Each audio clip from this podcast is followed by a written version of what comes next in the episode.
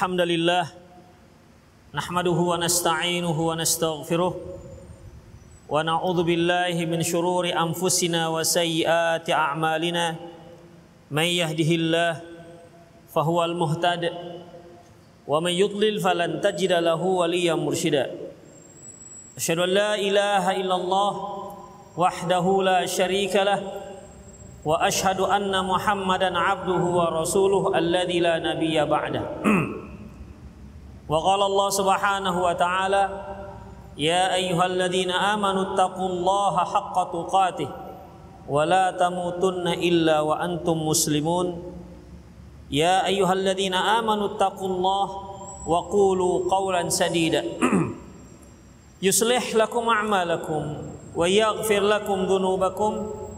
ومن يطع الله ورسوله فقد فاز فوزا عظيما.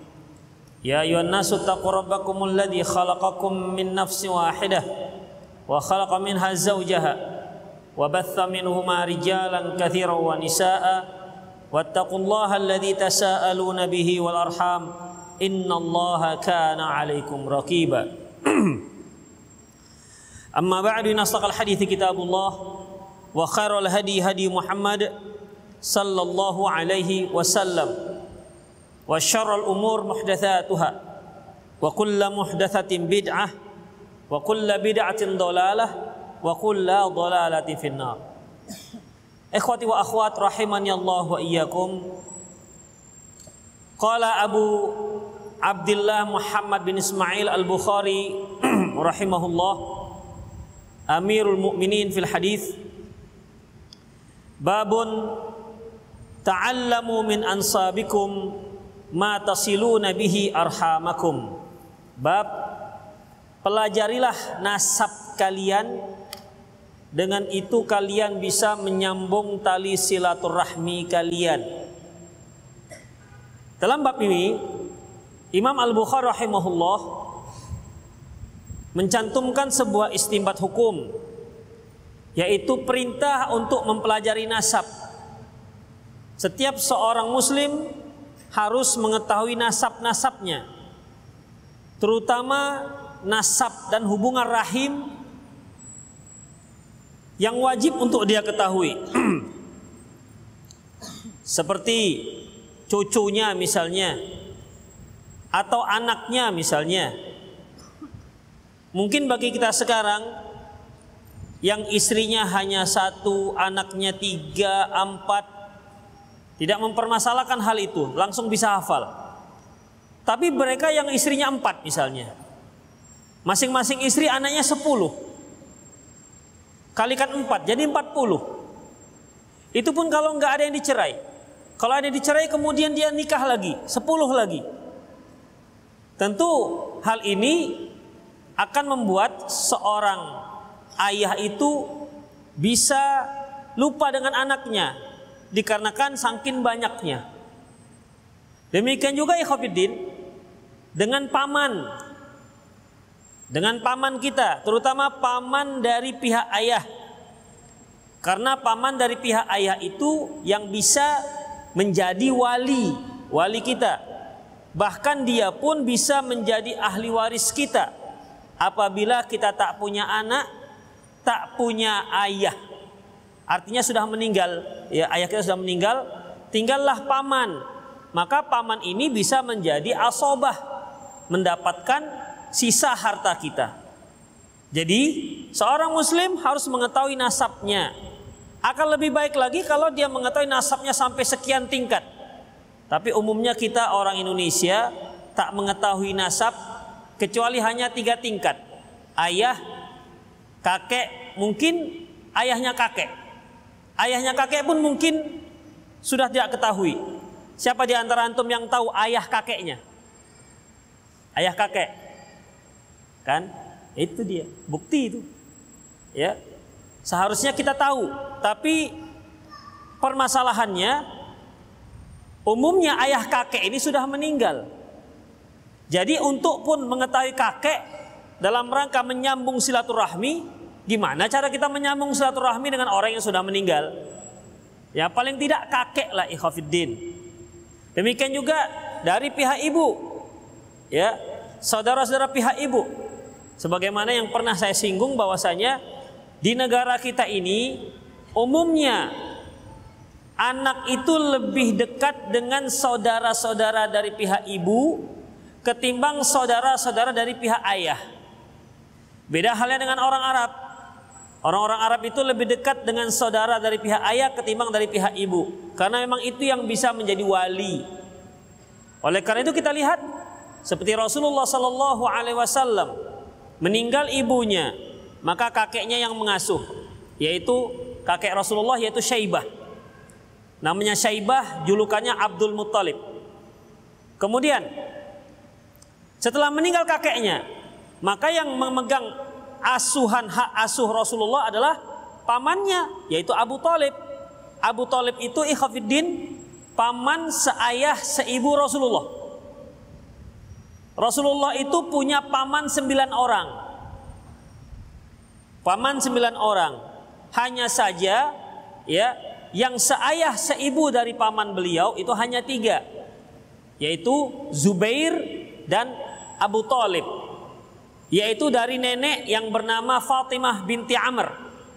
Fatimah binti Amr setelah menikah dengan suaminya yaitu Syaibah atau Abdul Muttalib kakek Rasulullah memiliki tiga anak yaitu Abdullah, Abu Talib dan Zubair. Di saat Rasulullah meninggal, eh, di saat Rasulullah lahir, Abdullah sudah meninggal yaitu bapak Rasulullah sendiri dan Zubair juga sudah meninggal. Tinggallah paman yang kandung yaitu Abu Talib. Oleh karena itu hak asuh beliau diambil dipegang oleh Abu Talib. Adapun paman-paman yang lain ada yang masih hidup seperti Hamzah, Abu Lahab, Abbas, Hamzah, Abu Lahab, Abbas, satu lagi itu tinggal tiga ya yang masih hidup. Yang masih hidup paman beliau itu empat, dua Muslim, dua kafir. Yang Muslim Abbas dan Hamzah. Yang kafir Abu Talib dan Abu Lahab. Yang abu-abu semua kafir. Abu Talib dan Abu Lahab. Ini kafir. Hanya yang menjadi musuh hanya satu, yaitu Abu Abu Lahab sampai turun ayat. Ayat yang nama suratnya apa? Al-Lahab. Al-Lahab apa Al-Masad? Iya, dua namanya. Al-Lahab dan Al-Masad. Itu Ikhwafiddin. Jadi kuat sekali paman dari pihak ayah. Kuat sekali paman dari pihak ayah. Adapun paman dari pihak ibu, ibu beliau kan siapa namanya? Aminah. Kita mungkin nggak begitu ataupun jarang sekali mendengar paman dari pihak ibu. Lebih banyak mendengar paman dari pihak pihak ayah. Dari mulai yang pro, yang pro tengah, dan yang poros tengah dan yang musuh. Yang poros tengah itu Abu, Abu apa namanya? Abu Talib, walaupun nggak sampai nggak sampai masuk Islam. Itulah ikhwafiddin. Tapi kita di Indonesia, saya lihat baik orang Padang, orang Jawa ataupun suku yang lain juga lebih kecenderungannya dekatnya dengan family-family dari pihak ibu, bukan ayah. Dan saya juga rasakan itu. Lebih dekat dengan family dari pihak ibu ketimbang pihak ayah. Allah alam kenapa begitu? Ya, Allahu alam. Taib. Pelajarilah nasab kalian ini. Ya, pelajari nasab kalian ini supaya kalian bisa menyambung silaturahmi. An Jubair bin Mut'im annahu sami'a Umar bin Khattab radhiyallahu anhu yaqulu 'ala al-mimbar. Aku pernah mendengar Umar bin Khattab radhiyallahu anhu berkata di atas mimbarnya, "Ta'allamu ansabakum." Pelajarilah nasab kalian, silsilah kalian. Summa silu arhamakum Kemudian sambunglah tali silaturahmi kalian. Jadi ikhwatiddin, di sini saya ingatkan lagi, menyambung silaturahmi itu yang diwajibkan dalam Islam yaitu yang punya tali rahim. Ya, yang punya tali rahim. Walaupun di Indonesia kalau silaturahmi itu sifatnya umum. Kita ke tempat teman kita mau ke mana? Mau silaturahmi. Ya, ini namanya bahasanya diambil dari Arab tapi pengertiannya disesuaikan dengan orang Indonesia. Itu dia. Bahasanya diambil dari bahasa Arab, pengertiannya tidak seperti yang dimaksud orang Arab. Tapi pengertiannya di apa namanya? disesuaikan dengan orang Indonesia. Seperti yang sering saya singgung seperti seorang suami manggil istrinya ummi. Itu bahasa Arab tapi penggunaannya disesuaikan dengan dengan kebiasaan orang Indonesia. Halal bil halal itu bahasa Arab. Nggak ada bahasa Indonesia halal bil halal. Itu bahasa Arab. Disesuaikan penggunaannya dengan orang Indonesia. Ya? Kita tahu halal bil halal artinya undangan makan khusus untuk Idul Fitri. Itu dia halal bil halal. Kalau sudah katakan ayo ke rumah saya halal bil halal. Semua orang tahu masalahnya pasti tujuannya makan-makan. Orang Arab nggak tahu itu halal bil halal. Yang halal dengan yang halal. Gitu. Gak tahu dia apa, apa masalah bila halal. Makanya ikhwatiddin rahimanallah wa iyyakum banyak bahasa Arab itu diambil dari Arab tetapi penggunaannya dengan bahasa Indonesia. Tetapi apabila kita mau mengambil hukum syar'i maka pengertiannya harus diambil dari bahasa Arab. Tidak bisa kita ambil dari bahasa Indonesia. Seperti tadi, Salah satu yang diharamkan dalam Islam memutus tali silaturahmi. Kalau silaturahmi ini kita pahami dengan bahasa Indonesia, berarti Khafiddin tidak boleh suami cerai dengan istrinya. Kenapa? Jelas memutus silaturahmi. Nggak boleh kita membaikot teman kita, pasti memutus silaturahmi. Demikian Khafiddin. Karena makna silaturahmi untuk bahasa Indonesia yaitu dekat antara teman. Tidak hanya teman, antar saudara. Demikian Ikhwanuddin. Sementara ada saudara-saudara kita muslim perlu dibaikot. Terkadang perlu dibaikot dikarenakan tingkah lakunya yang merusak masyarakat. Boleh dibaikot. Asalkan syarat dan ketentuannya berlaku. Demikian. Kalaupun kita marahan, boleh dibaikot. Tetapi tidak boleh lebih daripada tiga hari la yahillu limri la yahillu limri la yahillu muslimin ayyahjura akhahu fawqa thalathah layalin. Tidak halal bagi seorang muslim membaikot temannya lebih daripada tiga hari. Jadi demikian ikhwatiddin. Jadi kalau kita mau ngambil istimbat hukum harus diambil dari pengertian Arab bukan pengertian kata yang sudah diindonesiakan. Saya berikan contoh lain ikhwatiddin. Kalimat musola.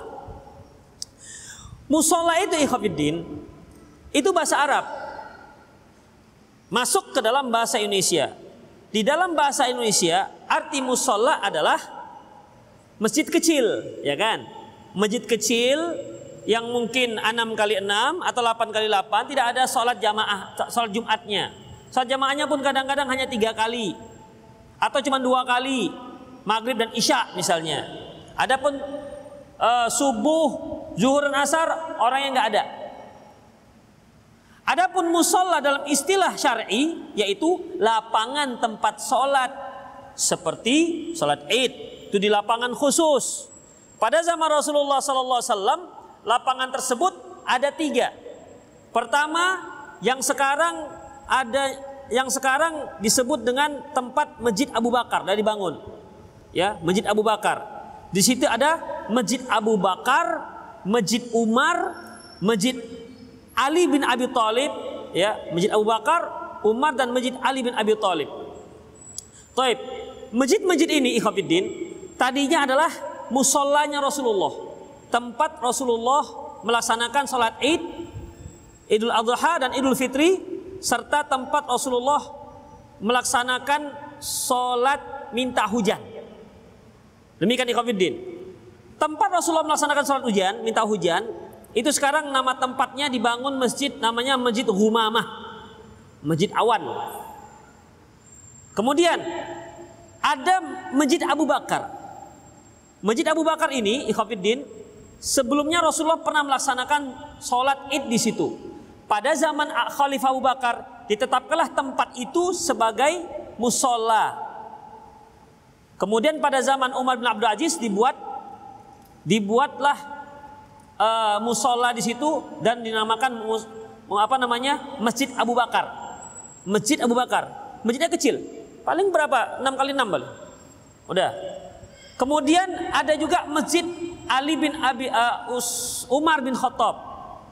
Masjid Umar bin Khattab ini tadinya tempat itu adalah tempat musola, lapangan juga pernah dipakai Rasulullah untuk sholat id. Pada masa Khalifah Umar bin Khattab ditetapkanlah itu sebagai musola beliau, musola tempat sholat id pada waktu Khalifah Umar bin Khattab. Dan pada zaman Umar bin Abdul Aziz dibangunlah masjid, masjid Umar bin Khattab. Tapi tak digunakan. Hanya masjid saja sekarang. Udah. Kecil juga masjidnya. Demikian juga Masjid Ali bin Abi Thalib Masjid Ali bin Abi Thalib itu adalah masjid uh, tadinya musola, lapangan tempat Rasulullah sholat, pernah di situ. Pada zaman Khalifah Ali bin Abi Thalib ditetapkanlah itu sebagai tempat musola pada pada masa Khalifah beliau. Demikian juga Utsman Affan. Demikian ikhwatiddin. Jadi musola pada istilah syar'i yaitu lapangan tempat sholat. Biasanya digunakan untuk sholat id dan digunakan untuk sholat minta hujan. Itu sekitar So, kalau Masjid Humamah ini se, ini Masjid Rasulullah sekitar sampai jalan Dr. Mansur. Itulah kira-kira jauhnya. Itu musola ikhwatiddin.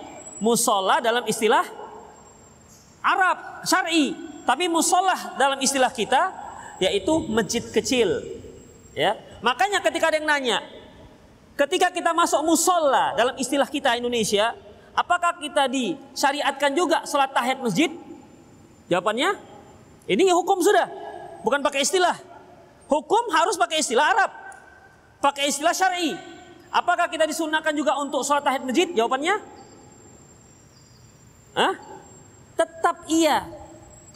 Karena ikhwafiddin, musola dalam istilah Indonesia dalam bahasa Arab tetap dikatakan masjid. Nah, makanya masjid Utsman bin Affan, masjid Abu Bakar, masjid Umamah itu semua dikatakan masjid. Dan sekarang nggak dipakai. Dah, nggak dipakai, tapi tetap dikatakan masjid, kecil-kecil masjidnya. Itu ikhwatiddin, ya. Jadi itulah yang harus kita ketahui tentang istilah-istilah Arab.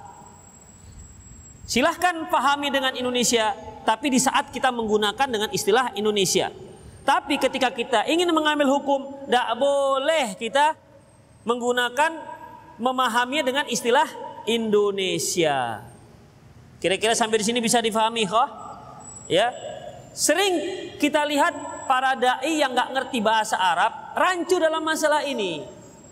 Ya, rancu dalam masalah ini ikhwatiddin. Rasulullah pergi ke musola, dikiranya musola seperti sekarang untuk sholat id. Padahal tidak. Itulah ikhwatiddin rahimanallah wa iyyakum. Jadi ta'allamu ansab, ansabakum, pelajarilah nasab kalian. Kalau kita sudah tahu nasab, maka summa silu arhamakum.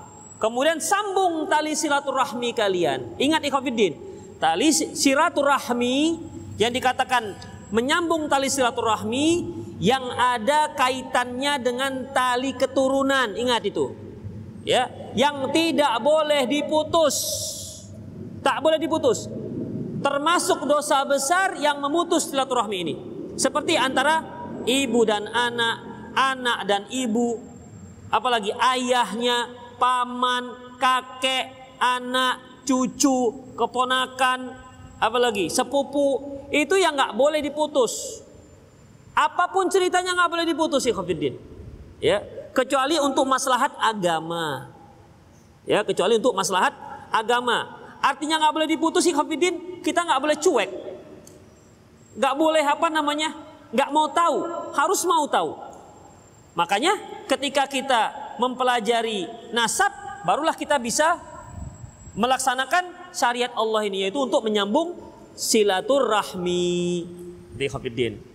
Taib, menyambung silaturahmi hukumnya apa? Wajib. Malla malla yudrakul wajib illa bihi fahuwa wajib. Atau malla yutimmul wajibu illa bihi fahuwa wajib. Ini kaidah. Sesuatu yang takkan mungkin kita bisa melaksanakan yang wajib kecuali dengan sesuatu ini, maka hukum sesuatu itu menjadi wajib.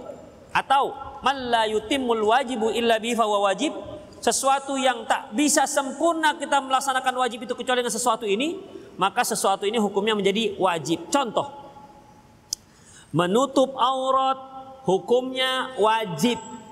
Ya kan? Sepakat kita, sepakat para ulama bahwasanya menutup aurat itu hukumnya wajib. Tapi menutup aurat itu itu kan ada ada sesuatu yang bisa menutup aurat, misalnya kain, baju. Karena baju itu yang bisa menutup aurat berarti mengadakan baju itu hukumnya jadi wajib. Karena kalau tak ada baju tak bisa kita menutup aurat. Itu ikhwatiddin. Seperti apa lagi? Haji. Haji hukumnya wajib. Tapi kita dari Indonesia ke Saudi Arabia nggak bisa seperti orang-orang sufi. Nggak bisa ikhwatiddin. Zuhurnya di sini, asarnya di udah di Mekah sana katanya. Mengicuh karajo. Ya, bohong-bohongin. Coba, zuhur di sini, asarnya di sana. Padahal ketika kita zuhur di sini, iya kan? Itu masih jam 8 di sana. Udah, ketika dia ke sana, habis zuhur dia ke sana, tentunya di sana masih zuhur juga masih. Iya kan? Masuk waktu asar, zuhur pergi jam setengah satu. Setengah satu nih. Ya, pergilah dia setengah satu. Setengah dua, setengah tiga, setengah empat, setengah lima baru asar di sana. Ya, sudah setengah lima di sini, Baru di sana masuk asar. Jadi kalau dia katakan saya zuhur di sini, eh maksudnya setengah lima itu masih zuhur di sana. Asarnya nanti udah gelap. Jadi bohong-bohongin orang. Anggaplah iya, anggap aja lah. Karena ada yang pernah ceritakan saya langsung orang Madura di Mekah. Itu ada nenek kakek gurunya itu naik daun dia dari Madura ke sana. Saya ya senyum-senyum dengarnya. Eh Ustadz nggak percaya? Iyalah. Bertengkar pula kita di Masjid Haram kan nggak mungkin. Jadi Khafidin dan masih ada orang-orang percaya walaupun tinggalnya di di Mekah sana Khafidin. Itulah, walaupun tinggal di Mekah sana. Orang dia di sana untuk kerja aja. Kerjanya kerja, bukan untuk belajar. Itulah ya Khafidin rahimani Allah wa iyyakum. Baik. Uh, apa tadi ya masalah kita? Nasab. Ya. Nasab. Ikhwatifidin rahimani Allah wa iyyakum. Bukan nasab, setelah nasab apa? Hah? Silaturahmi. Ya udahlah, sepertinya ada tadi tuh. Kenapa kita sampai ke Mekah tadi tuh? Hah? Hah? Ah iya, itu dia antum. Kelewatan kita kebanyakan misal. Mala yutimul wajibu ila bihi wajib. Yang nggak sempurna wajib itu kecuali dengannya, maka ada wajib. Kita ke Mekah misalnya. Taip, Indonesia ke Mekah, orang Indonesia ke Mekah nggak bisa dengan terbang, nggak bisa dengan daun, nggak bisa juga dengan harus ada alat transportasinya. Udah. Sementara haji itu hukumnya wajib bagi siapa yang sanggup. Berarti wajib bagi negara mengadakan alat transportasi agar kaum muslimin bisa pergi melaksanakan ibadah haji. Itu dia ikhwatiddin. Kalau nggak untuk haji nggak wajib. Kalau nggak untuk haji nggak wajib. Demikian ikhwatiddin. Contoh lain, ada orang yang baru belajar sholat subuh. Baru hijrah dia. Susah sholat subuh. Dia nggak bisa sholat bangun sholat subuh kecuali dengan alarm. Kalau alarmnya mandek, kesiangan, maka dia nggak bisa sholat subuh kecuali dengan alarm. Berarti mengadakan alarm hukumnya wajib. Itu dia. Man la yudrakul wajibu illa wajib atau man la yutimul wajibu illa wajib. Sesuatu yang nggak bisa kita laksanakan wajib kecuali dengannya, maka ini hukumnya ikut menjadi wajib. Itulah ikhwatiddin rahimani Allah wa iyyakum. Taib. Untuk menyambung tali silaturahmi. Tentunya kita harus tahu dulu tentang nasab kita. Ya. Misalnya ini, dia se dia seorang yang apa namanya? pindah dari Jawa ke Sumatera Utara. Transmigrasi misalnya. Di bawah ayahnya, kakeknya ada di Jawa sana. Ya. Maka Ikhofiddin dia harus mempelajari dulu. Tanya bapaknya, "Pak, kita sebenarnya asalnya dari mana sih?" Oh, kamu asalnya dari Klaten, misalnya. Sudah. Kakek masih ada? Ada. Nenek masih ada? Ada. Begitu Ikhwanuddin. Dengan demikian, kalau dia ada kemampuan ke sana, dia bisa menyambung silaturahmi. Kalau tidak, kan nggak tahu siapa kakeknya. Jadi dia harus tahu dulu nasabnya, baru dia bisa menyambung silaturahminya. Demikian ikhwafiddin. Karena dengan mengetahui nasab, pertama ikhwafiddin, kita bisa menyambung silaturahmi. Yang kedua, kita terhindar dari menikahi yang mahram. Misalnya, ayahnya pergi ke, ke Medan misalnya, kerja, nggak pulang-pulang ke Jawa. Sementara kakek dan neneknya Jawa, anaknya lahir, dia nggak tahu siapa kakek siapa nenek. Anaknya bertugas ke Klaten misalnya. Tiba-tiba dia tertarik dengan seorang nenek misalnya. Kan bisa saja. Ikhafidin, nenek nenek itu bisa yang awet muda, bisa kan? Ada nenek awet muda kan bisa aja Ikhafidin. Sudah, kan nggak boleh dia ngelamar neneknya. Tapi karena dia nggak tahu, neneknya juga cocok, ya udahlah. Pelajari pelajari, oh kau cocokku rupanya. nah, itu kan gara-gara tidak mengetahui nasab. Demikian Ikhafidin, gara-gara tak mengetahui nasab. Atau atau si kakek atau si ayah punya istri dua. Dia nikah di Jawa, pergi ke Medan, nikah di Medan. Dia tak ajarkan anaknya, nak, kamu punya mama di Jawa sana. Itu istri bapak yang pertama. Anaknya tiga perempuan. Nah, kalian anak bapak yang di sini tiga laki-laki. Udah, Kenapa Bapak nggak sana? Kami sudah cerai. Semenjak ada peluang transmigrasi pada zaman Pak Harto, di sana susah tanah. Bapak pun kemari. Nenekmu, emakmu nggak mau ikut. Kan orang Jawa dia nggak mau ikut ke Sumatera. Akhirnya udahlah kita cerai. Tep, ini kan harus tahu si anak ini. Siapa? Adik-adiknya atau kakak-kakaknya yang di sana. Sempat dia ke Jawa tertarik dengan kakaknya. Ternyata ini adalah wanita ini adalah kakaknya seayah bukan seibu. Itu Ikhwafiddin. Jadi untuk menyambung silaturahmi, mempelajari nasab. Untuk terhindar dari nikah dengan yang mahram. Yang ketiga, masalah warisan. Kalau warisan nggak apa-apa lah Ustaz nggak tahu kan nggak ngurang-ngurangi jatah, nggak boleh. Ya, harus diberikan yang punya hak berapa haknya diberikan karena itu hak dia tidak boleh di, dihalang-halangi haknya. Seperti kasus terakhir Ikhwanuddin. Anak-anak si bapak ini yang di Jawa kan dapat. Ya kan? Kan termasuk anak-anaknya. Meninggal si bapak. Mereka dapat. Maka wajib bagi si anak mencari itu siapa? Anak-anaknya. Yang seayah tak seibu. Supaya mereka juga bisa mendapatkan haknya dari warisan. Demikian Ikhwanuddin. Jadi banyak fungsinya kita mempelajari nasab tersebut. Sampai Imam Bukhari menyebutkan ta'allamu min ansabikum ma tasilu nabihi arhamakum. Pelajarilah nasab kalian yang bisa kalian gunakan untuk me, untuk mengetahui dan me, menyambung tali silaturahmi kalian.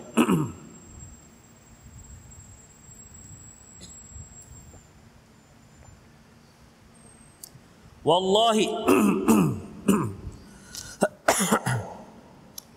Wallahi innahu la yakunu baina rajuli wa baina akhi syai'un demi Allah seandainya ada ketidakenakan antara seorang dengan saudaranya. Artinya mungkin ada clash atau ada ketidakenakan atau ada pertengkaran atau ada niza kata orang Arab. Walau ya'lamul ladzi bainahu wa bainahu min dakhil aman min dakhilati rahim seandainya mereka tahu bahwasanya ini adalah abangnya atau sepupunya atau pamannya la auza'ahu dzalika an intihakihi tentunya mereka akan menahan dirinya dari pertengkaran ya misalnya kalau antum bertengkar dengan abang yang namanya saudara kan biasa tuh bertengkar Ya, walaupun nggak boleh dibiasakan. Biasa tapi nggak boleh dibiasakan. Namanya juga adik kakak. Udah, kadang-kadang ada salah ngomong, tersinggung. Udah, nanti hari raya baiklah lagi. Gitu kan? Datang kita, bawakanlah apel agak-agak 3-4 kilo, aman lagi itu. Selesai. Udah kan? Atau ada masalah. Kemudian dia pun mulai bersungut-sungut dengan kita. Tapi tiba-tiba dia ada keperluan, ngutang. Kan bagus lagi jadinya. Dek, ngutang dek. Oke kak, berapa maunya? Terserah mau berapa saja. Yang penting nggak lebih daripada 50 ribu misalnya. Ya kasih, selesai. Itu bisa salah satu bisa menyelesaikan masalah ikhwafiddin. Itu dekat. Kalau kita antar kakak beradik itu dekat. Ya. Beda dengan istri. Istri kalau sudah sudah cerai, pisah, itu susah baliknya. Ya. Susah baliknya apalagi yang nggak punya anak. Yang nggak punya anak susah baliknya ikhwatiddin. Oleh karena itu ikhwatiddin rahimanallahu wa iyyakum untuk mengetahui nasab ini, kalaupun kita tahu ternyata teman lawan kita ada masalah, oh rupanya dia anak paman saya, oh rupanya dia paman saya rupanya itu bisa lebih menyelesaikan permasalahan menghilangkan permasalahan tersebut. Itulah ikhwatifiddin rahimani Allah wa iyyakum. Kemudian Ani bin Abbas radhiyallahu anhuma annahu qala bahwa dia berkata ihfadhu ansabakum hafallah nasab kalian makanya ikhwatifiddin kalau orang Arab itu nasabnya sampai sampai 13 14 mereka hafal. Rasulullah seperti Muhammad bin Abdullah bin Abdul Muttalib bin Hashim bin Abdul Manaf bin Qusay bin Kilab bin Murrah bin Luwai entah apalah lagi di atasnya. Itu Khafiddin. Jadi itu nasab. Kalau kita kan saya misalnya Ali Nur bin Ali Munir bin Sobuni. Habis itu nggak tahu lagi siapa. Antum siapa? Kakek tahu? Nah, ayah kakek ada antum yang tahu nama ayah kakeknya? Tuh jarang. Ya. Oh, Masya Allah. Nggak ada hadiah, cuman lah. Seharusnya ada hadiahnya itu. Ini panitianya bokek, cuman lah. Demikian di Covidin. Ya, istimewa sekarang kalau tahu ayahnya kakek. Dan dulu juga kita nggak pernah tanya pada ayah kita. Ya, nama kakeknya ayah siapa? Pasti ayah bisa tahu kan? Ya. Jadi kalau antum masih punya ayah, coba tanya ayah antum, ya siapa nama kakek? Eh nama ayahnya kakek. Karena ayahnya kakek adalah kakeknya ayah kita. Masih banyak kan yang hidup masih ayah ayah antum? Tanyakan. Demikian ikhwatiddin. Taib. Hafallah nasab kalian tasilu arhamakum yang fungsinya untuk menyambung silaturahmi kalian. Fa innahu la bu'da birrahmi idza qarubat wa in kana ba'idah sesungguhnya sesungguhnya tidak ada yang jauh. Sesungguhnya tidak ada yang jauh. Orang yang nasabnya dengan kita idza qarubat apabila memang silaturahminya kuat. Walaupun nasabnya jauh misalnya mungkin kita apa namanya kenal dengan saudara kita itu cabangnya di kakek kita. Jadi kakek kita punya anak. Jadi kakek ini punya saudara. Udah? Kakek ini punya saudara. Saudara kakek ini punya anak-anak-anak. Itulah yang sama dengan kita ini misalnya satu level. Kamu siapa? Fulan fulan fulan. Oh, berarti kamu saudara kakek saya. Berarti ayahnya kakek sama. Demikian.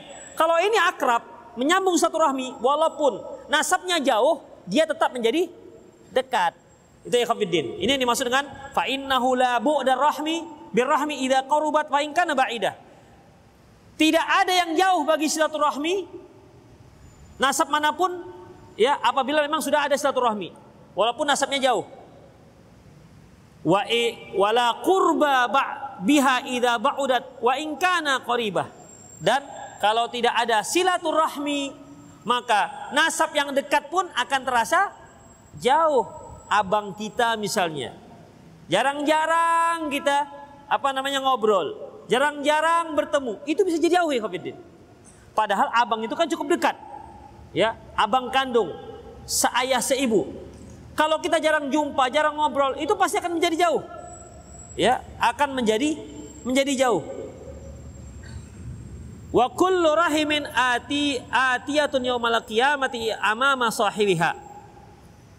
Sesungguhnya nanti di hari kiamat masing-masing rahim akan datang di hari kiamat dan dia akan berada di depan orangnya.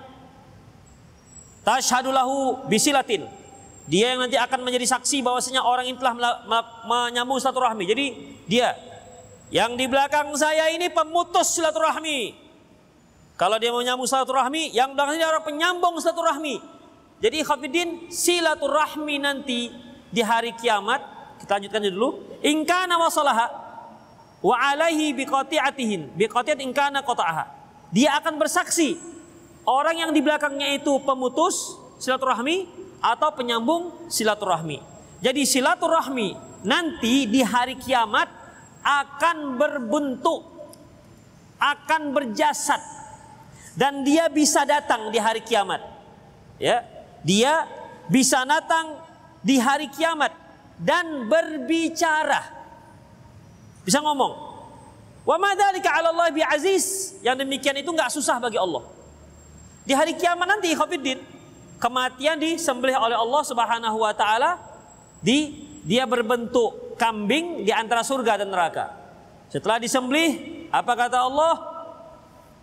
Ya ahlu surga kekal, tidak ada kematian setelahnya.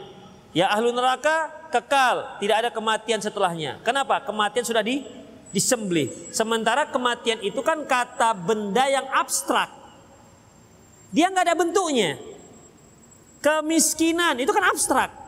Kekayaan itu kan abstrak. Walaupun itu berupa kata benda. Silaturahmi itu kan apa namanya? E, kata kata benda yang abstrak. Ikhwafiddin. Apalagi yang misalnya ya. E, dan lain-lain lah. Jadi yang seperti ini nanti akan diberbentukkan oleh Allah Subhanahu wa taala dan dia akan ber, bersaksi. Dalam hadis yang telah kita baca pada kajian-kajian lalu, ketika itu silaturahmi akan berkata, "Mah, Mah itu artinya dia minta pada Allah silaturahmi. Ya Allah, aku minta kepadamu. Permintaannya apa? Agar yang memutuskan aku, engkau putuskan juga hubungan dengan dia. Yang menyambung aku, engkau putuskan juga hubungan kamu dengan dengan dia. Kata Allah, ya. Ya, aku ridho dengan seperti itu. Kamu ridho? Ridho. Jadi silaturahmi berbicara. Di hari kiamat ikhwafidin banyak hal yang bisa bicara. Bumi bisa bicara. Ayatnya yauma idzin tuhadditsu akhbaruha. Pada hari itu bumi akan menceritakan beritanya, menyampaikan beritanya. Apalagi yang bisa bicara? Kulit ya. Kulit akan berbicara di mana Allah Subhanahu wa taala eh, berkata dalam surah Fusilat Qalu li juludihim lima syahidtum alaina mereka berkata kepada kepada kulit-kulit mereka, "Kenapa kalian bersaksi kepada kami?" Qalu antaqanallahu alladzi antaqa syai'.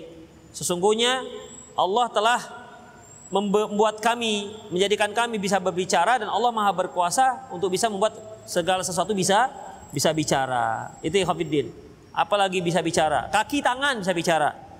Al-yauma nakhtimu ala afahihim. Pada hari ini kami akan bungkam mulut mereka watu kalimuna aidihim watashadu arjuluhum akan bicara tangan dan akan bersaksi kaki-kaki mereka. Jadi semua akan bicara. Sekarang bagi kita tidak bisa, tapi nanti di akhirat bisa. Silaturahmi bisa bicara. Api bisa bicara, neraka bisa bicara dan semua bisa bicara bagi yang dikehendaki oleh Allah Subhanahu wa taala. Demikianlah ikhwatiddin inilah hadis yang terakhir yang dicantumkan oleh Imam Bukhari terkait dengan masalah silaturahmi. Demikian ikhwatiddin aku lu qauli hadza wastaghfirullah li wa lakum wa muslimin innahul ghafurur rahim. Silakan bagi yang mau bertanya mau kirim WA juga sama uh, nomornya. Saya sendiri belum hafal nomornya ini udah pada masuk. Maunya saya matikan dulu datanya ya. Udah pada masuk. 0895 0895 0895 6113 2777 tiga kali 8 0895 6113 2777 8 silakan yang ingin menyampaikan pertanyaan. Fadol.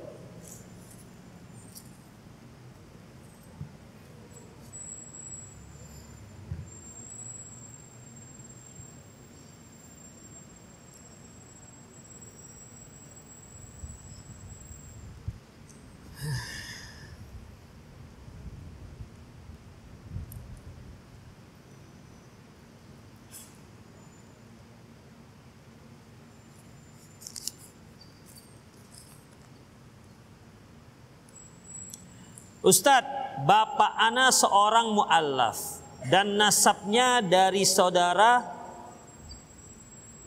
bapak orang Nasrani semua. Lantas manakah menjalin hubungan? Ikhwafiddin, perhatikan. Menjalin silaturahmi itu tidak ada batasan agama, ingat. Menjalin silaturahmi gak ada batasan agama. Ingat hadis yang lalu di mana Umar bin Khattab menghadiahkan kepada saudaranya yang musyrik. Diberi hadiah berupa apa kemarin? Baju sutra, kain sutra, ya. Jadi menyambung silaturahmi tidak ada batasan agama. Jadi bagaimana ikhwatiddin? Tetap disambung silaturahmi, kita berbuat baik pada dia selama tidak melanggar syariat. Selama tidak melanggar syariat. Tapi kalau melanggar syariat tidak dibolehkan.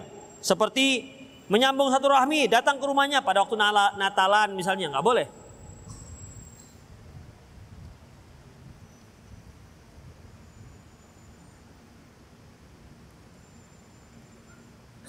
Masya Allah, udah 20, 30. Ustadz, di musola kita wajib sholat tahid masjid atau enggak? Ya Allah, tadi apa saya jawab? Ikhwafiddin, musola istilah kita tetap disyariatkan sholat tahiyat masjid. Karena musola dalam istilah kita, dalam bahasa syariat itu tetap masjid namanya. Tapi kalau kita berada di musola istilah syari yaitu lapangan, tidak ada sholat tahiyat lapangan.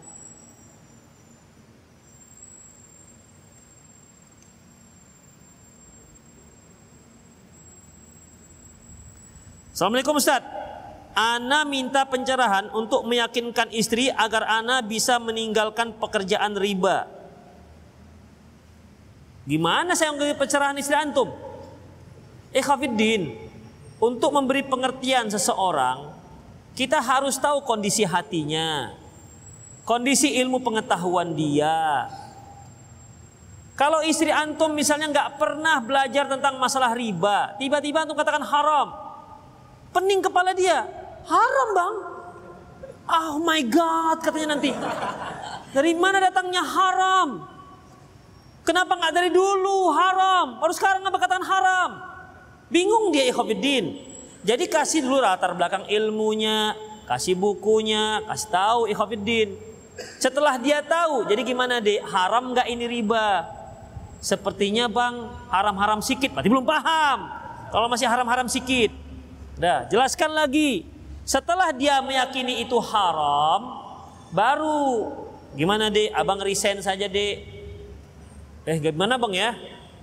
Beri dia keyakinan, ikhwafiddin.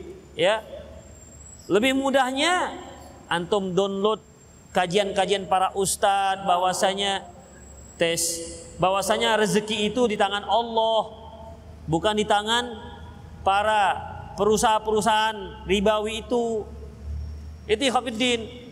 Ya, bukan mereka yang yang mengatur rezeki kita tapi Allah Subhanahu wa taala yang mengatur rezeki kita. Banyak orang-orang yang setelah keluar dari bank dia hidupnya lebih makmur dan banyak juga setelah kurang keluar dari bank hidupnya turun ekonominya tapi lebih tenang. Itu dia. Umumnya yang lebih tenang itu suami. Kalau istri agak uring-uringan sedikit. Kenapa? Uang belanja berkurang. Biasanya sebulan sekali bisa beli tas. Kali ini nggak bisa misalnya, ya. Ya sudahlah, tas yang lama alhamdulillah dipakai di hari raya. Nggak punya pun nggak apa-apa, masih ada yang lama. Jadi ikhwatiddin gimana lah kita cara meyakinkan dia ikhwatiddin. Jadi nggak sama setiap orang meyakinkannya. Ya, nggak semua orang sama.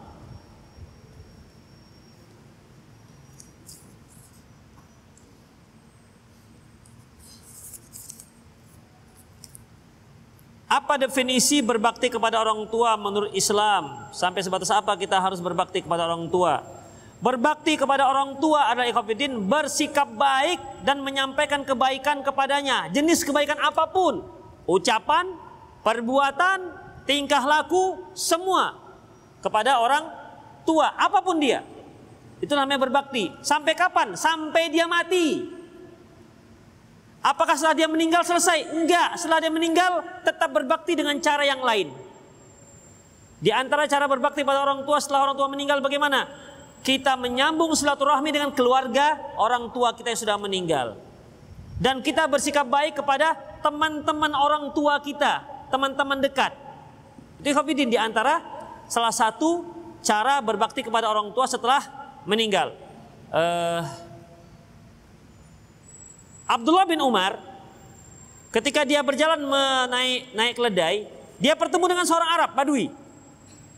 Lantas Abdullah bin Umar turun, orang Arab Badui ini dinaikkan ke keledai dia, kemudian diberikan dipakaikan amamah yaitu sorban. Kata sahabat yang lain, ya Abdullah, orang ini orang Arab Badui, jalan kaki pun mampu dia biasanya itu bagi dia jalan kaki. Apa kata Abdullah bin Umar? Sesungguhnya ayah dia ini merupakan orang teman dekat ayahku. Ayah orang ini adalah teman dekat ayahku. Itu Khafiddin. Berarti kan apa namanya? Anak dari teman dekat Umar bin Khattab radhiyallahu an. Apakah dampak Ustadz di hari kiamat? Apakah dampaknya Ustadz di hari kiamat jika kita hanya tahu nis, nasab kita sampai dua tingkat?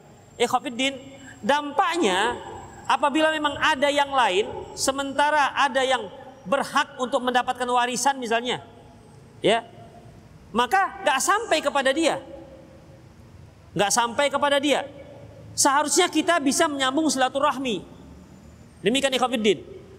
Makanya Ibnu Hazm membagi menyambung silaturahmi mempelajari nasab itu ada beberapa tingkatan ada yang hukumnya fardu ain. Artinya kita pelajari seperti anak kita, ayah kita. Kita misalnya apa namanya di Sumat di Medan ini sebatang kara, tak ada yang lain. Kan nggak mungkin kita muncul dari bulan sana tiba ting masuk ke sini seperti Mr. Bean gitu kan nggak? Pasti ada bapaknya ini. Cari bapaknya. Di mana bapaknya? Karena bagaimanapun bapak itu kan ada ada temannya. Itu ada apa namanya? Ada saudaranya. Pelajari itu. Ya. Untuk apa? Agar kita bisa menyalurkan melaksanakan ini satu rahmi mana tahu dia punya hak kita harus memberikan haknya itu khafiddin ada yang sifatnya fardu fardu kifayah kata Ibnu Hazm dalam kitab An-Nasab ada juga yang hukumnya mustahab. Allah alam bisawab.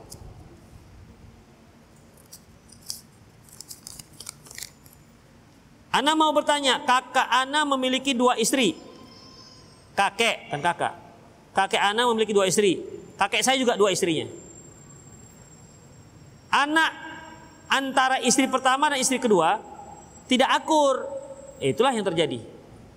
Sehingga tidak mau berkomunikasi sepertinya keluarga seperti se, seperti halnya keluarga. Apakah hal ini dikategorikan memutus silaturahmi? Iya. Termasuk memutus silaturahmi. Jadi kita sebagai cucu, kita yang sambung silaturahminya. Kita datangi bibi-bibi kita yang dari kakek yang satu lagi. Dari istri nenek kita yang satu lagi. Jangan hanya dari nenek kandung kita. Assalamualaikum Ustaz, Anda beserta adik menyimpan uang yang ditinggalkan oleh almarhumah ibu dalam tabungan yang belum kami beritahu ke ayah kami. Dengan khawatiran akan habis dan akan kami gunakan hal itu untuk mendesak. Misalnya ayah sakit keras, apakah ini salah dan apakah sebaiknya kami lakukan? Ikhafiddin, kalau ibu kita punya harta yang disimpan, meninggal dia, ayah kita itu punya hak setengah kalau dia tak punya anak, seperempat kalau dia punya anak. Fa inka fa inka nalahunna waladun falakumur rubu inka nalah inka nalahunna walad. Apabila istri kalian punya meninggal punya anak, uh, maka kalian mendapat seperempat kalau dia punya anak. Fa'ilam yakul lahunna walad. Kalau istri kalian tidak punya anak, punya anak, falakumus sulus, falakumun nifs, maka kalian mendapat setengah. Jadi hak ayah itu tidak boleh ditahan, Ikhwafiddin. Nggak boleh ditahan. Tapi Ustaz nanti habis loh. Anda itu punya punya ayah Anda, harta Anda itu gunakan. Harta Anda itu gunakan untuk kalau ayah Anda sakit karena dia berhak. Anta wa malu kali abika. Jadi kasihkan hak ayah setengah, kemudian sisanya dibagikan dengan anak-anak. Oh nanti Ustaz habis. Memang kenapa kalau habis? Kalau habis hartanya, kalau dia sakit loh, Anda kan punya duit. Anda kan punya harta. Harta Anda itu ayah, Anda yang punya juga. Anta wa malu kali abika. Jangan pelit kali jadi orang, jadi anak. Itu ikhafidin, nggak berkah itu pelit-pelit dengan orang tuanya. Jadi ikhafidin keliru kalau kesimpulan seperti ini. Kasihkan pada ayah. Kalau habis, antum punya yang tanggung jawab. Ustaz, sampai mana terputusnya nasab agar kita bisa menikah dengan saudara senasab? Ikhwafiddin, sepupu itu sudah nggak, sepupu itu kan senasab dengan kita, tapi itu sudah bisa dinikahin. Sepupu semua, kita itu punya sepupu hanya dari empat cabang. Anak dari paman pihak ayah, anak dari paman pihak uh, ayah, anak dari saudara saudara laki-laki ayah, anak dari saudari laki-laki ayah. Eh, saudara laki-laki ayah. Saudari ayah. Anak dari saudari ibu, anak dari saudara ibu. Hanya empat, nggak ada yang lain. Ya, karena ayah, ibu, kita punya ayah ibu. Ada paman dan bibi dari pihak ayah, ada paman dan ibu dari pihak ibu. Udah, anak mereka ini semua halal dinikahi. Hujan. Iya. Yang helmnya, yang jaket-jaketnya coba supaya konsentrasi. Jadi Khafidin hanya adat kita yang melarang.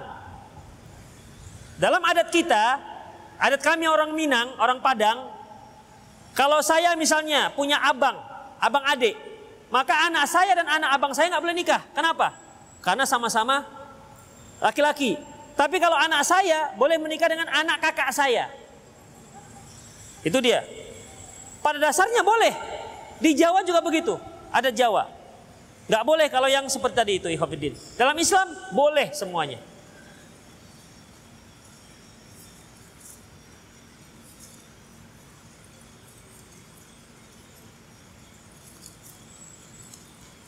Bagaimana posisi sholat berjamaah suami? Suami istirahat, istri saat berdua suami dan istri saat berdua posisinya se apa namanya depan belakang. Ya, depan belakang. Suami depan, istri belakang. Yang jadi imam siapa? Suami. Walaupun si suami hanya hafalnya kulallah wahad. Istrinya sudah hafal 30 juz. Tetap yang menjadi imam suami. Jangan si istri sok-sok jadi imam. Bang, Kulalawahat belakang. Nah, ya, tetap dia menjadi menjadi makmum. Berapa jarak antaranya? Jarak di antaranya asalkan ketika berdiri tak terpijak kepala si istri, itu aja udah. Ya, asalkan tak terpijak. Kasihan kan terpijak, istri cuma satu dipijak lagi kepalanya.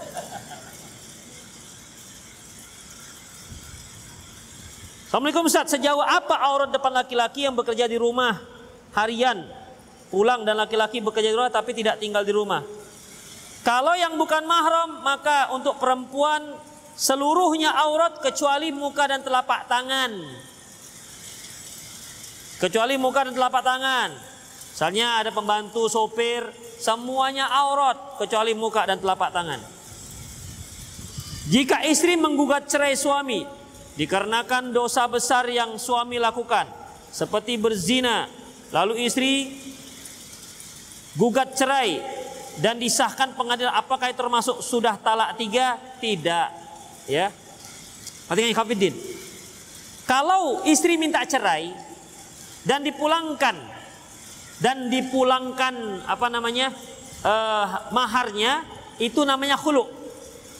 Namanya khulu. Bukan talak namanya. Dan istri, suami juga boleh meminta yang lain. Misalnya istri minta cerai.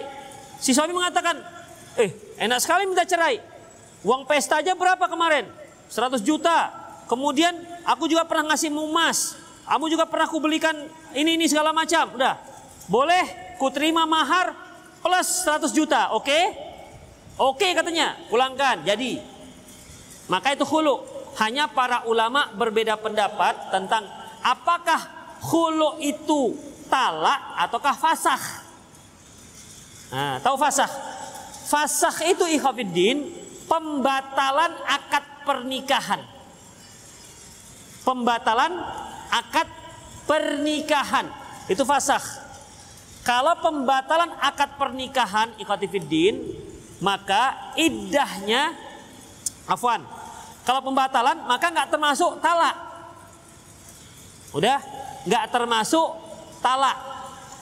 Tapi kalau para ulama yang mengatakan uh, itu talak, maka dia termasuk jatuh talak satu.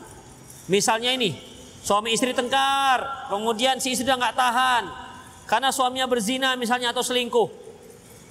Kemudian gugatan cerainya diterima oleh Pak Hakim.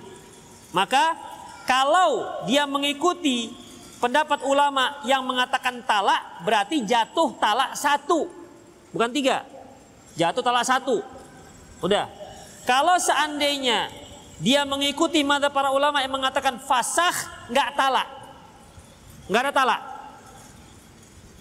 Hanya akadnya bubar. Apa bedanya antara fasah bubar akad dengan talak? Kalau talak ikhafiddin, dia masih punya iddah. Dan selama masa iddah, dia masih berhak menerima nafkah, sandang, pangan dan papan. Sampai nanti ya, sampai nanti dia dia habis masa iddahnya baru berhentilah nafkahnya, nggak wajib lagi. Itu kalau kalau talak. Udah. Kalau dia fasah, bubar langsung. Dia sudah menjadi si orang lain. Artinya si suami tidak lagi wajib untuk me menafkahinya ketika gugatan cerai itu diterima oleh oleh hakim. Yang rojih bagaimana? Allahu alam bisawab. Ali bin Abi Thalib pernah mengatakan bahwasanya uh, hulu itu termasuk talak. Hulu termasuk talak. Itu yang dikatakan oleh Ali bin Abi Thalib. Antum bisa lihat dalam kitab Sahih Fikih Sunnah.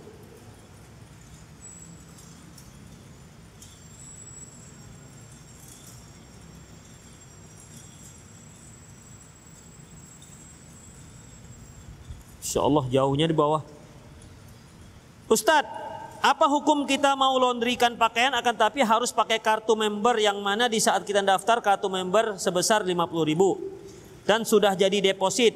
Dan untuk beberapa waktu ke depan ada diskon atau potongan harga apakah yang termasuk riba sebagaimana di ojek iya ikhafiddin deposit itu kan kita itu sebenarnya kalau dia tidak ada pakai diskon karena deposit ya karena karena deposit tidak apa-apa tapi kalau pakai diskon kita itu kan sekarang sedang menyimpankan uang kita ke dia. Ya kan? Itu kan deposit namanya. Ima kita sedang meminjamkan uang ke dia atau kita sedang menyimpankan uang ke dia. Menyimpankan uang ke dia itu tidak bertambah dan tidak berkurang. Kalau maknanya kita utangkan dia berarti uang ini akan balik Terus kok tiba-tiba ada diskon? Atas dasar apa dia mendapat keuntungan diskon? Oh, keuntungan keuntungan bagi hasil. berarti bukan deposit. Dia sedang menanam saham. Bisa untung, bisa bisa rugi. Faham maksudnya Ikhwanuddin? Saya ulangi. Ketika kita deposit, berarti kita sedang imma dikatakan titip uang atau sedang menghutangi dia, kan gitu ya? Tinggal nanti ketika kita kasih laundry, tinggal potong berapa kilo duitnya, berapa kilo, potong berapa duitnya. Kan begitu. Artinya tidak ada keuntungan di situ. Lantas, baik kita nitip maupun kita sedang memberikan hutang, dari mana datangnya kita dapat untung diskon itu? Dari mana? Ini riba namanya. Kalau dari awal atas dasar bagi hasil bisa dia dapat diskon karena dia bagi hasil. Artinya tapi di situ tetap ada untung dan ada rugi, ada loss dan ada profit. Itu ikhwatiddin. Paham ya? Bisa dipahami ya? Yang nggak paham siapa? Alhamdulillah paham semua.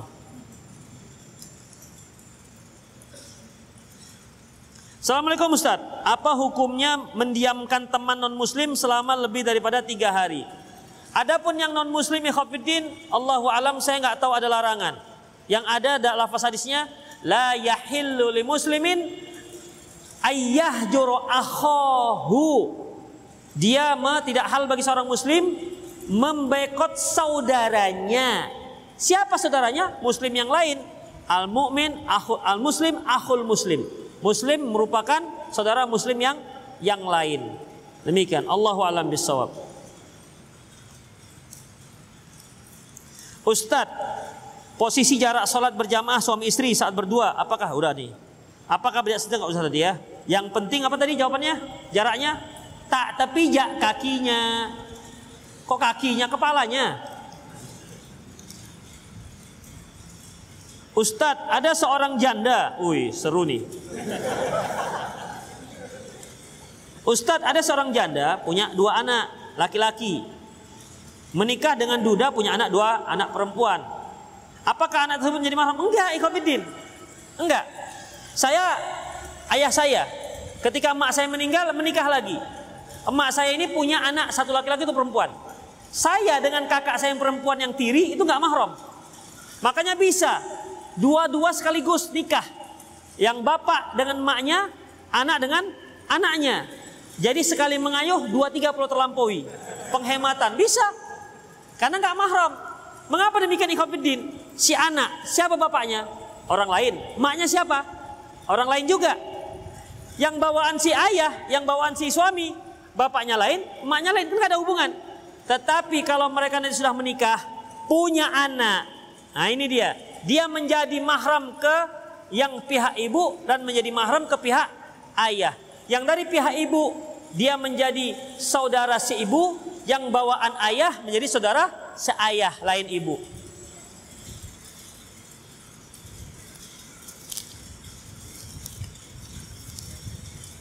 Apabila ada seorang yang mau membantu, misalnya A, si pemodal, B menjualkan lewat online, tetapi si B tidak mempunyai barang. Eh, dan apabila si C menyukai picture-nya yang diiklankan lewat online, maka si B menunggu kiriman dari si A untuk si B. Sampailah pesanan si C Gak ngerti saya nih si B, si C, si. Maka si B bayar ke si A, lalu menjual ke si C. Dengan bertemu dengan si C, si C kemudian bertemu si B. Mana ini? Nantilah ya kita bab.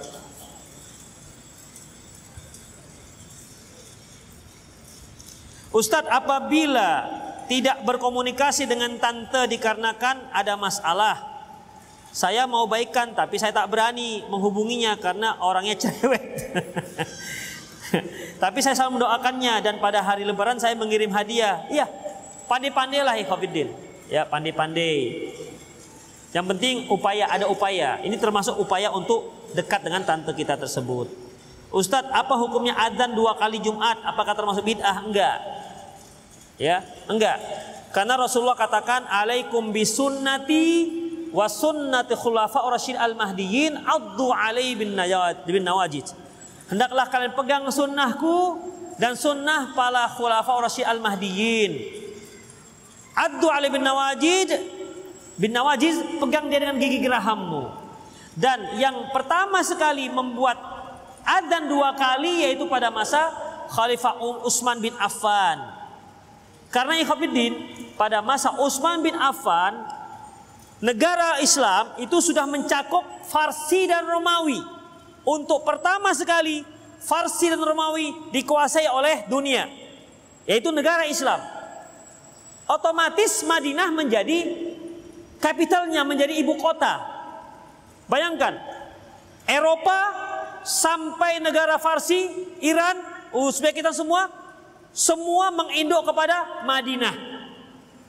Ya otomatis si Khofiddin yang namanya ibu kota pasti akan dilindu oleh oleh apa namanya penduduknya seperti antum yang nggak pernah ke Jakarta pengen ke Jakarta mana yang belum pernah ke Jakarta ada?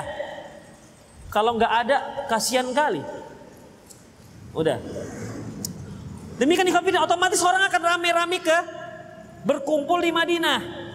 Terutama para pedagang. Ya, terutama para pedagang. Otomatis dalam masalah ini orang akan sibuk berdagang.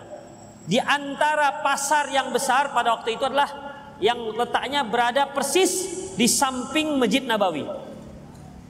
Dah. Sementara Jumat itu kalau sudah khatib naik di atas mimbar itu tak tercatat lagi yang masuk setelah itu. Sebagaimana sabda Rasulullah sallallahu alaihi wasallam, "Idza kana yaumal jum'ati" apabila di hari Jumat, kana fi kulli babin min abwabil masjid al malaikah.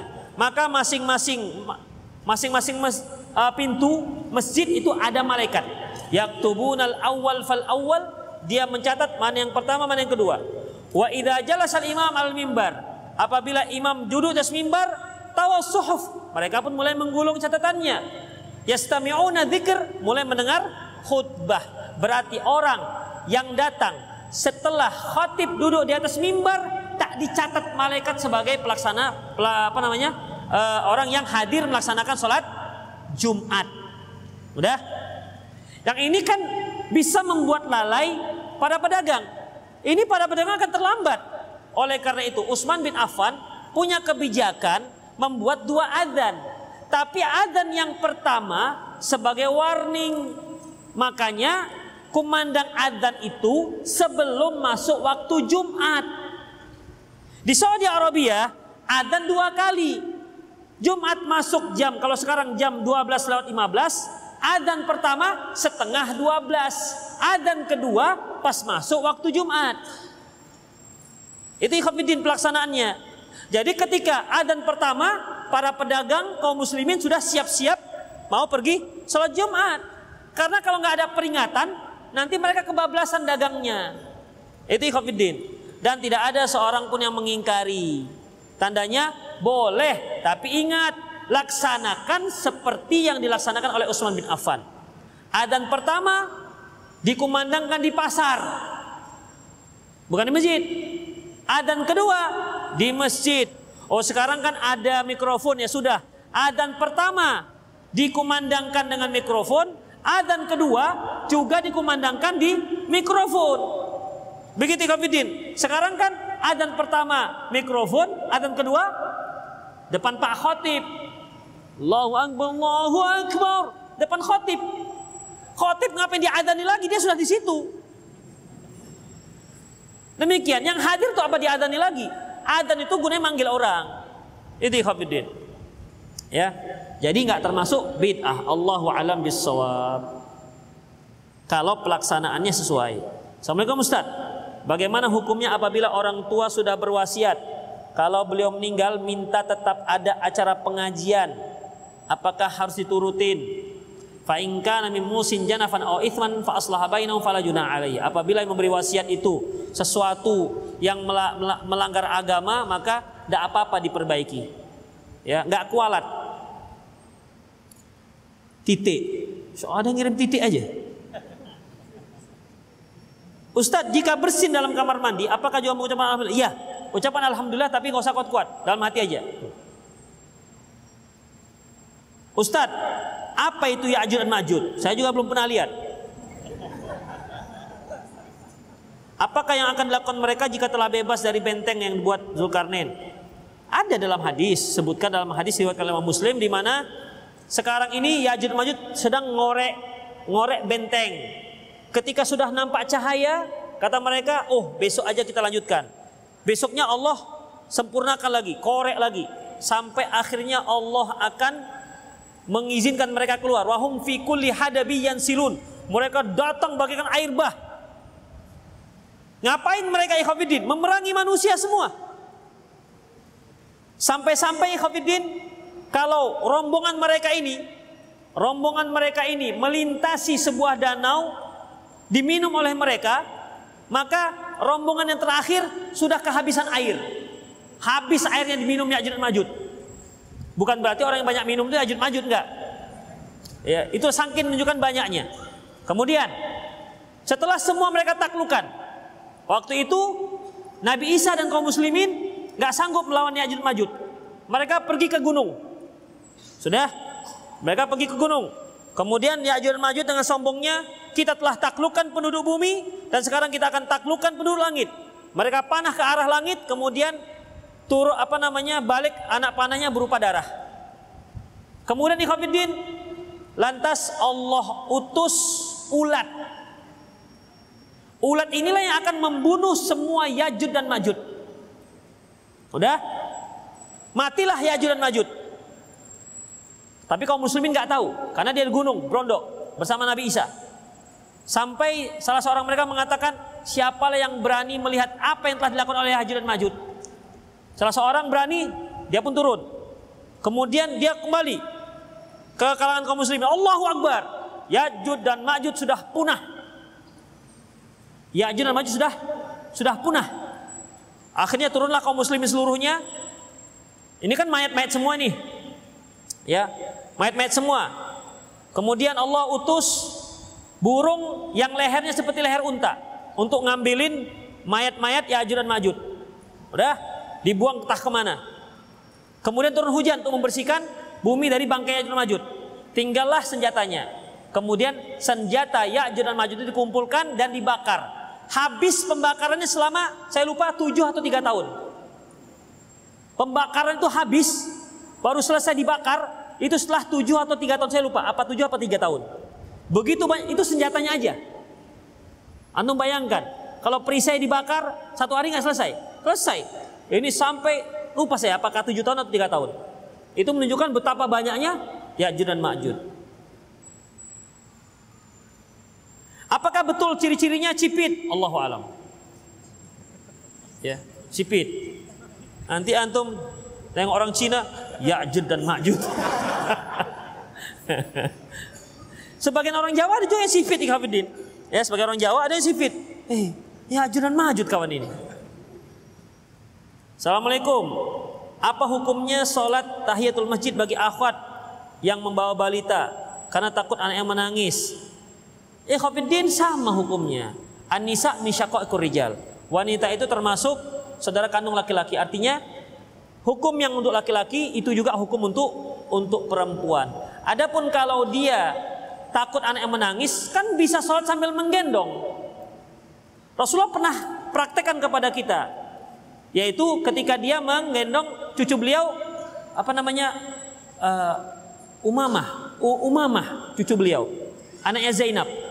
Digendong sholat sambil menggendong. Ketika sujud diletak. Ya diletak. Ketika bangkit digendong lagi. Itu ikhwatiddin jadi sama saja. Baik yang berpendapat kalau jumhur mengatakan bahwa eh, apa namanya tahiyat masjid itu hukumnya sunnah muakkad Adapun Syekh Albani dan murid-murid beliau mengatakan Ibnu Hazm juga menyatakan wajib wajib ain. Gimana kok sampai sampai seperti itu? Pembahasannya cukup panjang ya Ya. Memang khilafiyah kalau para ulama. Jadi baik yang berpendapat sunnah muakkad maupun yang wajib bisa melaksanakannya dengan cara tetap menggendong anaknya. Tapi Ustaz kalau saya sujud saya saya turunkan nanti nangis-nangis. Cepatlah sujudnya jangan banyak-banyak. Jangan jangan baca sujudnya seperti baca Al-Baqarah. Cepat bacanya, nanti bisa digendong lagi. Terus kalau digendong nangis juga, boleh nggak digoyang-goyang? Boleh nggak goyang-goyang?